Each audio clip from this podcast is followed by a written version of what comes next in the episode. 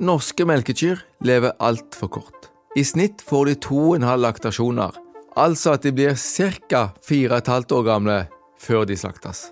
Det koster penger å fôre fram ei kvige til å bli melkeku, og hvis du samtidig skyver ut ei ku av produksjonen i andre enden, som er frisk og kunne produsert melk i flere år til, så taper vi penger. De mest lønnsomme åra til ei melkeku er fra hun har fire til åtte kalver. Fagleder i avl i Tine, Svein Egil Skartveit, mener at kvigeoppdrett er så dyrt at det lønner seg å la kyrne leve lenger. De lever for kort, og de, jo, eh, de er ganske kostbare å få fram til melkeku. Vi pleier jo å si litt flåsete at, eh, at inngangsbilletten er jo veldig høy, mens eh, forestillingen er altfor kort. Men hvordan får vi holdbare kyr som kan vare i mange laktasjoner?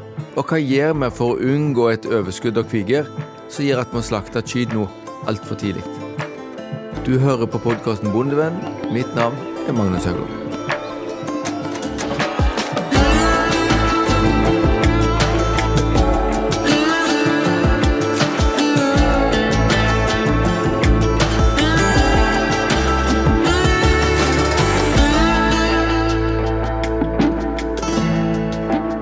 Podkasten Bondevennen blir presentert i samarbeid med Sparebank1 SR-Bank og Tveit Regnskap.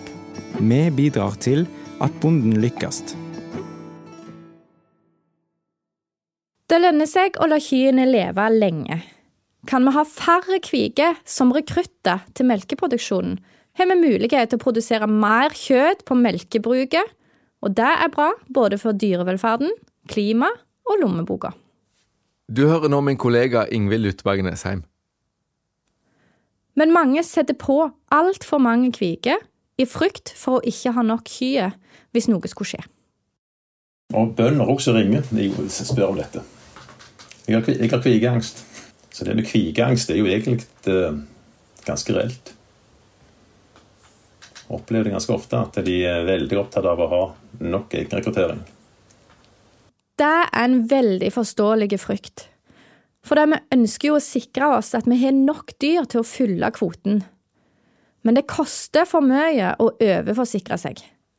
I Norge har vi verdens friskeste ku, men vi har en altfor høy rekrutteringsprosent. I Norge i dag så tror jeg vi ligger på ca. 40 eh, påsett. Det skulle vi stramt ned til 30, kanskje under 30. Vi har jo verdens beste helse og våre, så eh, potensialet skal jo være der.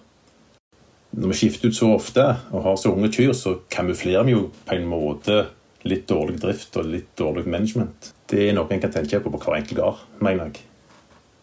Du skjuler med at du kvitter deg med ei ku som ikke tar kalv, du kvitter deg med et celletallsproblem. Du kan kvitte deg med dårlige bein, dårlige jur, jurslipp, for du har ei kvike som kommer bak. For å kunne redusere hvor mange kviger du trenger å sette på, må du altså drive godt og få fram ei holdbare ku. Og det starta i kalve- og kvigeoppdrettet.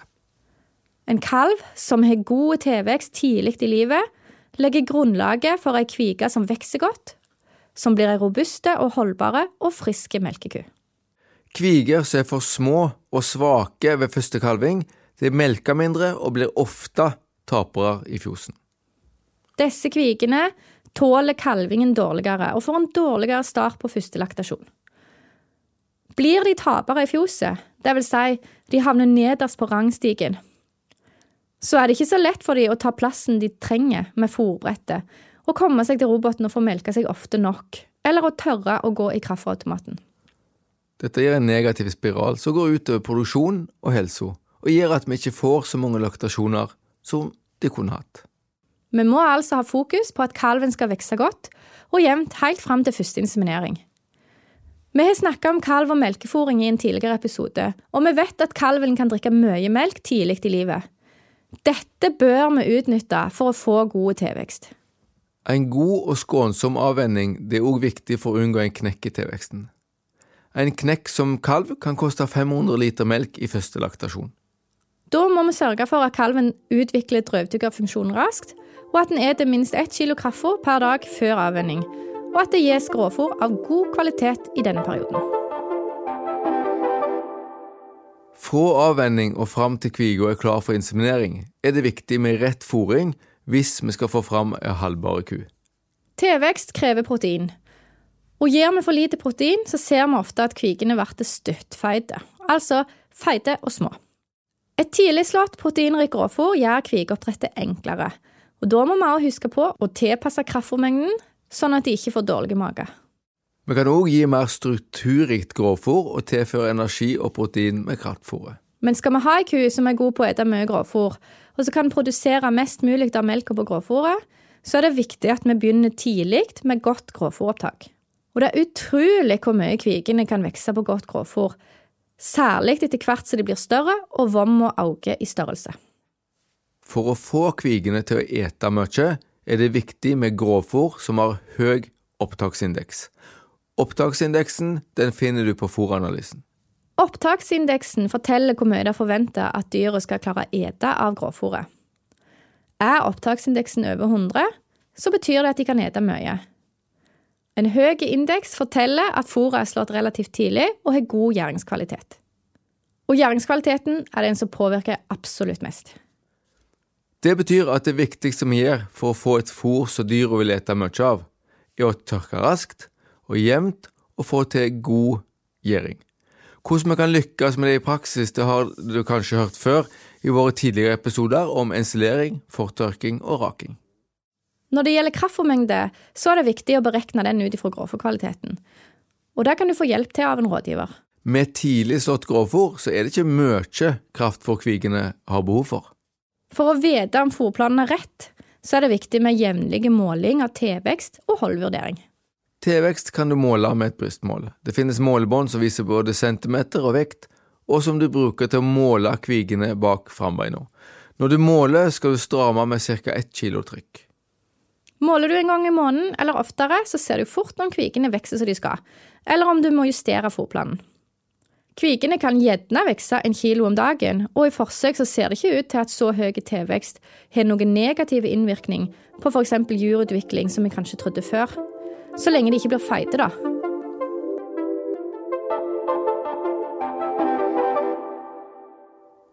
Når vi får til høy tilvekst på kalv og kvige, så blir de tidligere kjønnsmodne, og de begynner å legge fett på en lavere alder. Da er det viktig at vi ikke venter for lenge med å inseminere. Det har vært fokus på å få kvigene til å kalve når de er 24 måneder, og da må vi inseminere når de er senest 15 måneder gamle. Men det viser seg å være gode argumenter for å starte insemineringen allerede på 13 måneders alder. Forutsett at de har vokst nok og har nådd rett vekt før inseminering. Så viser jo undersøkelser at hvis vi kan få kalv i de tidligere som ungkvige, altså at de kalver inn på 22 måneder kontra 26 til 28, så får de lettere kalv nummer to.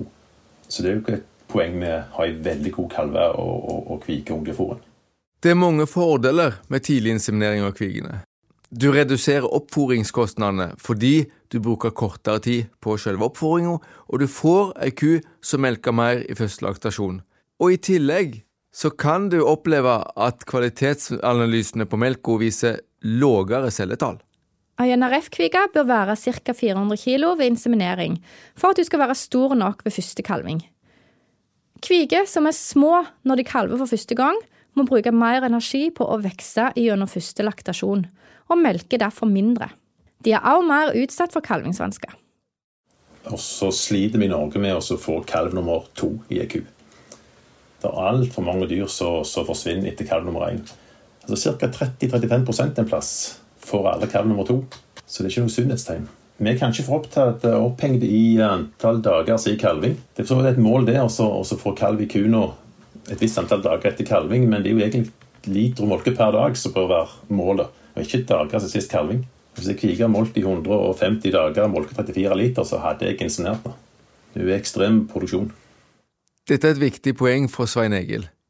Når de melker så godt, er det vanskelig å ta kalv på ny, og dette kan henge sammen med at du har blitt feit før første kalving. Når kvikene er feite når de kalver, så eter de mindre gråfòr tidlig i laktasjonen, for der det ligger fett rundt vomma som gjør at de får mindre plass til fôr. Det gjør at de er lenger i energiunderskudd etter kalving, særlig hvis de melker mye, og da tærer de på holdet, det vil si de slanker seg. Når de slanker seg, går kroppen i sparemodus, og han prioriterer ikke å formere seg. God fruktbarhet henger nøye i lag med fôring. Er kua i underskudd, så vil det altså være vanskelig å bli drektig. I tillegg så vet vi at de eggene som blir produsert når kua er i energiunderskudd, er av dårligere kvalitet, og det gjør det vanskeligere å ta kalv. Derfor må vi unngå at kvigene blir feite før første kalving. Og Da er det òg viktig å endre fôringa etter at kviga har blitt drektige.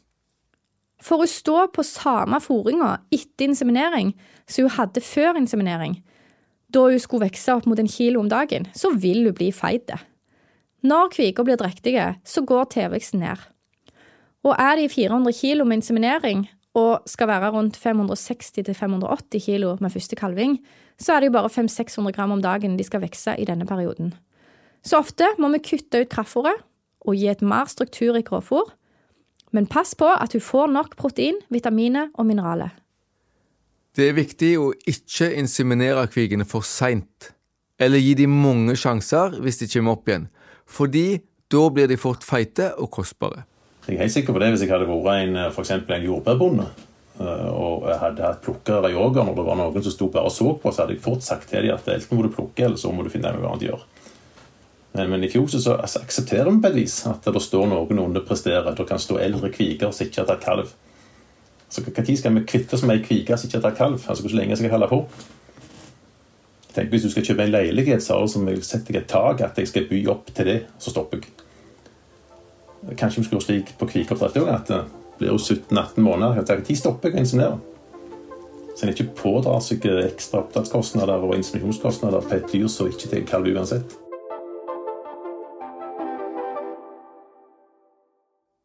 Godt kvigeoppdrett legger grunnlaget for å få ei holdbar ku.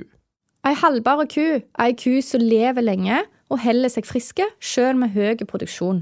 Det er viktig for dyrevelferden at vi prøver å få fram ei ku som tåler den produksjonen hun avler fram til.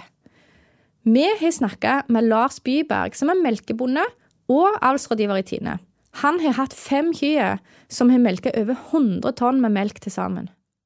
Så en skikkelig halvbar ku for meg er en 100-tonner. Det er jo et internasjonalt mål som de bruker i alle land i verden, og det er noe å strekke seg etter. Da har kua både produsert mye melk og levd lenge. Så 100 tonn EKM er en voldsomt godt mål på ei svært halvbar ku. og Det er ca. 15 dyr per år i Norge som oppnår 100 tonn. Så det er ikke så lett. Det er imponerende. Men òg et litt hårete mål. Det er ikke alle kyr det lønner seg å ha til de har melka 100 tonn. Det er ikke sånn at vi skal sikte oss inn på at alle kyr skal vare så lenge. Kyr som får problemer eller som ikke forsvarer plassen sin i fjoset økonomisk, skal utrangeres tidligere. Det vi må ha fokus på, er hvordan vi skal legge opp drifta, sånn at flere kyr blir eldre. Og da spiller både bygning, driftsstyring, fòring og avl inn.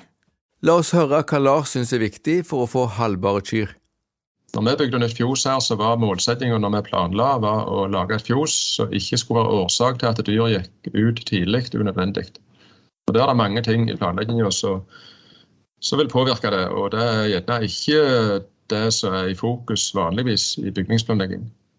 Det er f.eks. en logikk og tankegang som du har i dette Q-signalopplegget som bl.a. Felleskjøpet har, har, hatt mye kurs på. og det, Den tankegangen der er viktig for å vurdere hvordan kua har det, og spørre kua hvordan hun vil ha det når du planlegger fjos. Eh, så går det selvsagt på det som går på drift og vår management på godt norsk. Eh, med fruktbarhet og med helse, forebyggende helsearbeid som ikke øyelegger dem med, med sykdommer. Og avlsarbeid, som jeg har mest fokus på. Eh, vi må jo ha ei ku som har et genetisk potensial for å bli gammel. Det går både på jureksteriør og at du produserer nok til at vi vil ha den lenge. og at det fungerer godt både på beite og inne i fjoset.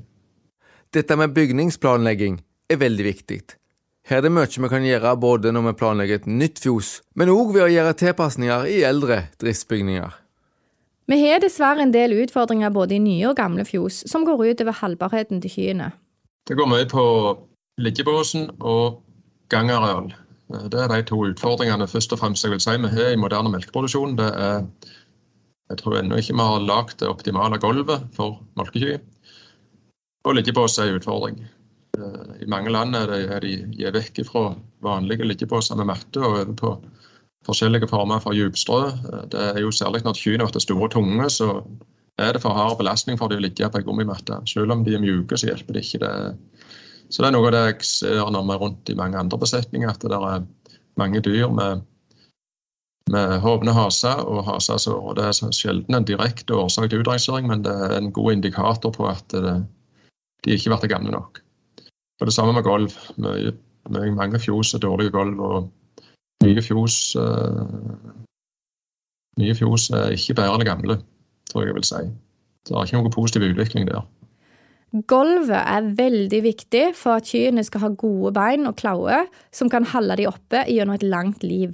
Jeg bare observerer på dyra når jeg er rundt i andre besetninger og ser på kyr, at det er store forskjeller fra besetning til besetning hvordan de fungerer med føttene. Tåregulv er viktig for å unngå problemer med det som går på dårlige klauer, Forfangenhetsrelaterte sykdommer går jo på fòring, og, og, ikke minst eh, haregolv og glattegolv øyelegger mye føtter. Så det er flere ting. Så ønsket er jo å ha et gulv som er sklisikkert og er passelig mjukt å gå på.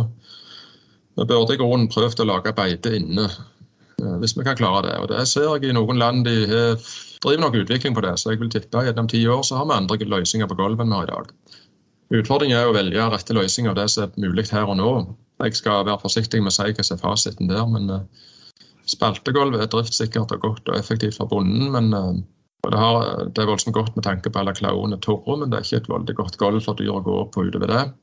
Fast gulv har utfordring med at det kan være for fuktig, og det kan òg være glatte. Gummi oppå gulvet er godt, men det er dyrt. Og, ja, det er en del tekniske utfordringer. Så kombinere finne et gulv som er godt både teknisk, driftssikkert og godt for dyra, det er en stor utfordring.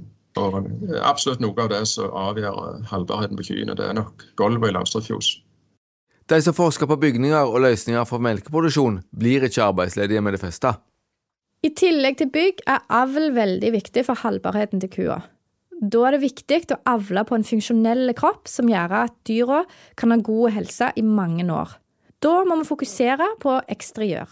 Når det gjelder dyr, er eksteriør hvordan kroppen ser ut, f.eks. kroppsbygning, beinstilling, størrelse på jur og lår osv. Jeg prøver jo å forutsi på kvikene hva jeg tror kan være gamle. Det er ikke nødvendigvis den kvika som molker mest, så den jeg har mest tro på. Eh, jeg sier at de som skal leve lengst, de må produsere nok til å forsvare plassen første lektasjon. Men det er gjerne ikke mer heller. Det er en av de som vært eldst, de som gjerne ikke presser seg for mye i første lektasjon. Gjennomsnitt eh, vil jeg si det er dyra som er mest finbygde. Eh, ikke disse store, grove. De blir sjelden veldig gamle. Så her går det igjen. Vi har hatt, vi har hatt eh, 500 tonnere til nå.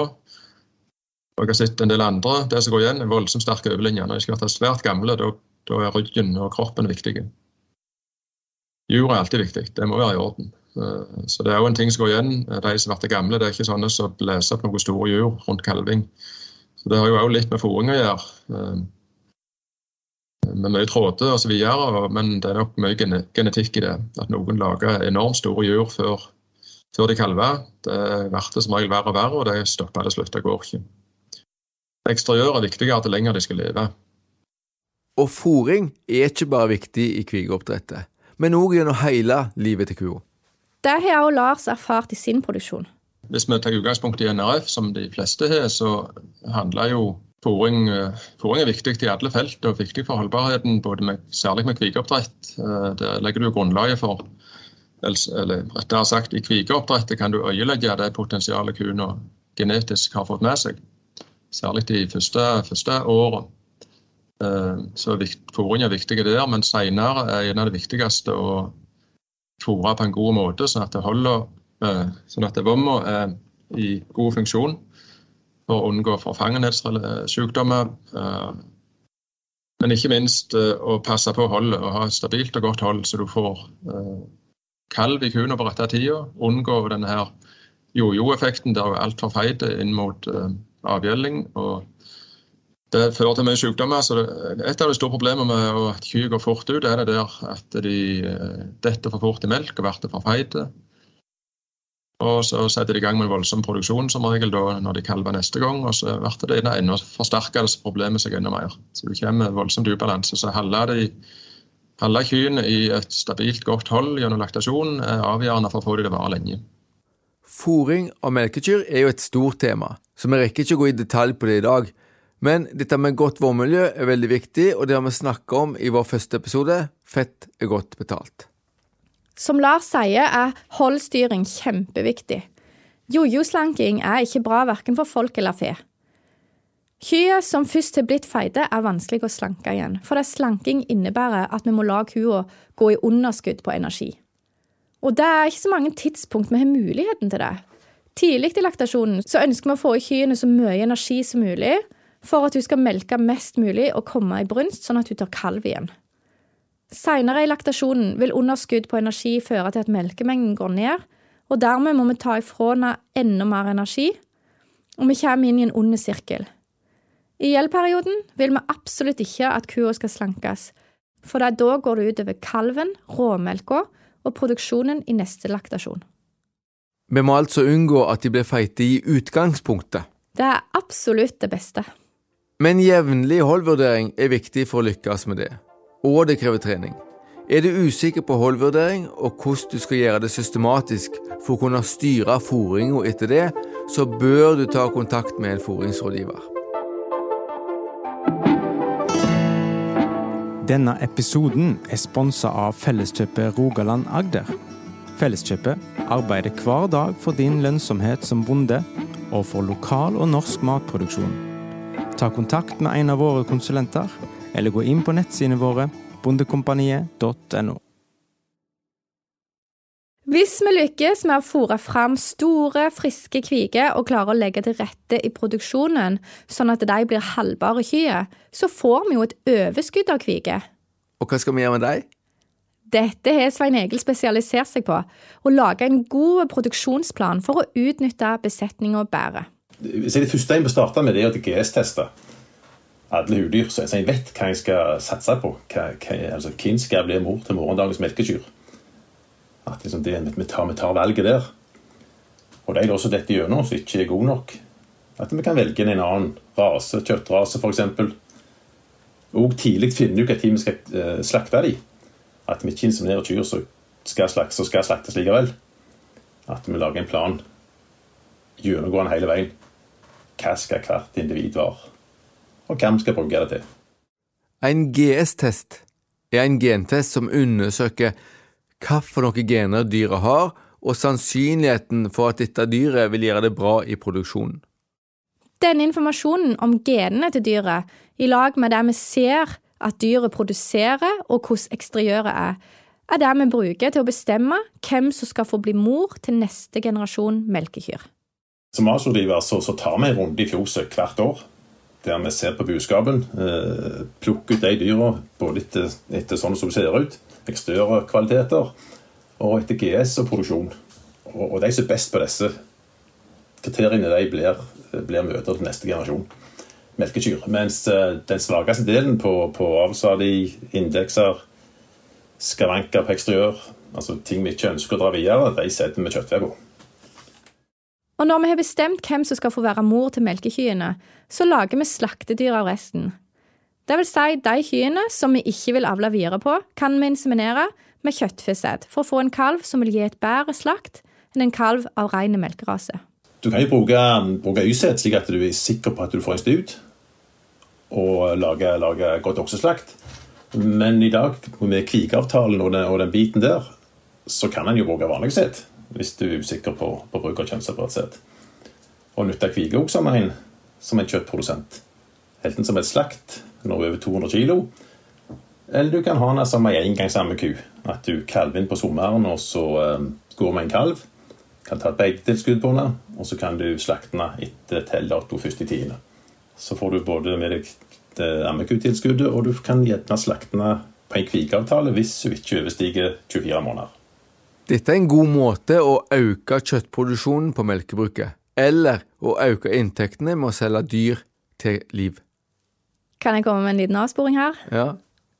Jeg husker ikke helt hvem som sa dette til meg, men det var noen som fortalte at de alltid hadde trodd at Liv var en bonde med et veldig stort fjos, siden alle skulle selge dyr til Liv. ja, Så dyr til liv betyr at de ikke skal til slakt? Ja. Ja. Men det er mange raser å velge imellom, og noen av kjøttfyrrasene har vist seg å gi kalvingsvansker, særlig på kvikene. Så her er det viktig å velge rett rase til rett dyr. I tillegg har vi jo Angus-avtalen, så er en avtale du kan gjøre med slakteriet for å få en høyere kilopris for slaktet hvis du slakter et dyr som er minst 50% Angus. Med den Angus-avtalen i dag så er kanskje Angus det mest lønnsomme. De har kortere drektighet, alltid kolde til kalver. Altså Kontra å bruke en, en, en um, limousin, som gir ni dager lengre drektighet i stedet for NRF. Så får du med Angus to dager kortere drektighet i stedet for NRF. Det vil si det er 11 dager i forskjell. Så hvis du da har eh, 38 årskyr cirka, som kalvin, så har du spart ei årsku i, i produksjon. Så det ligger, ligger mange gevinster med å velge rett rase. Og skaffe seg de rette avtalene på slakteriet. Men i arealsone 5 og oppover så får vi godt betalt per kilo kjøtt, så her kan det kanskje lønne seg å satse på enda tyngre raser. Ja, Hvis en satser på å slakte dyra veldig tunge, så kan det være lurt å satse på raser som limousin og charolais. I områder med høye distriktstilskudd så, så, så, vil kilo være viktig. Og en angus kan ikke over, bli over 360 kilo. Da mister du avtalen. Men slakter du oksene dine før 360 kilo, så er det gunstig med angus. Og det er veldig god tilvekst på dem. Og du kan også bruke angus på kvikene. Altså Hvis du velger en tung rase, så kan du ikke bruke det på, på de svake GS-testa kvigene.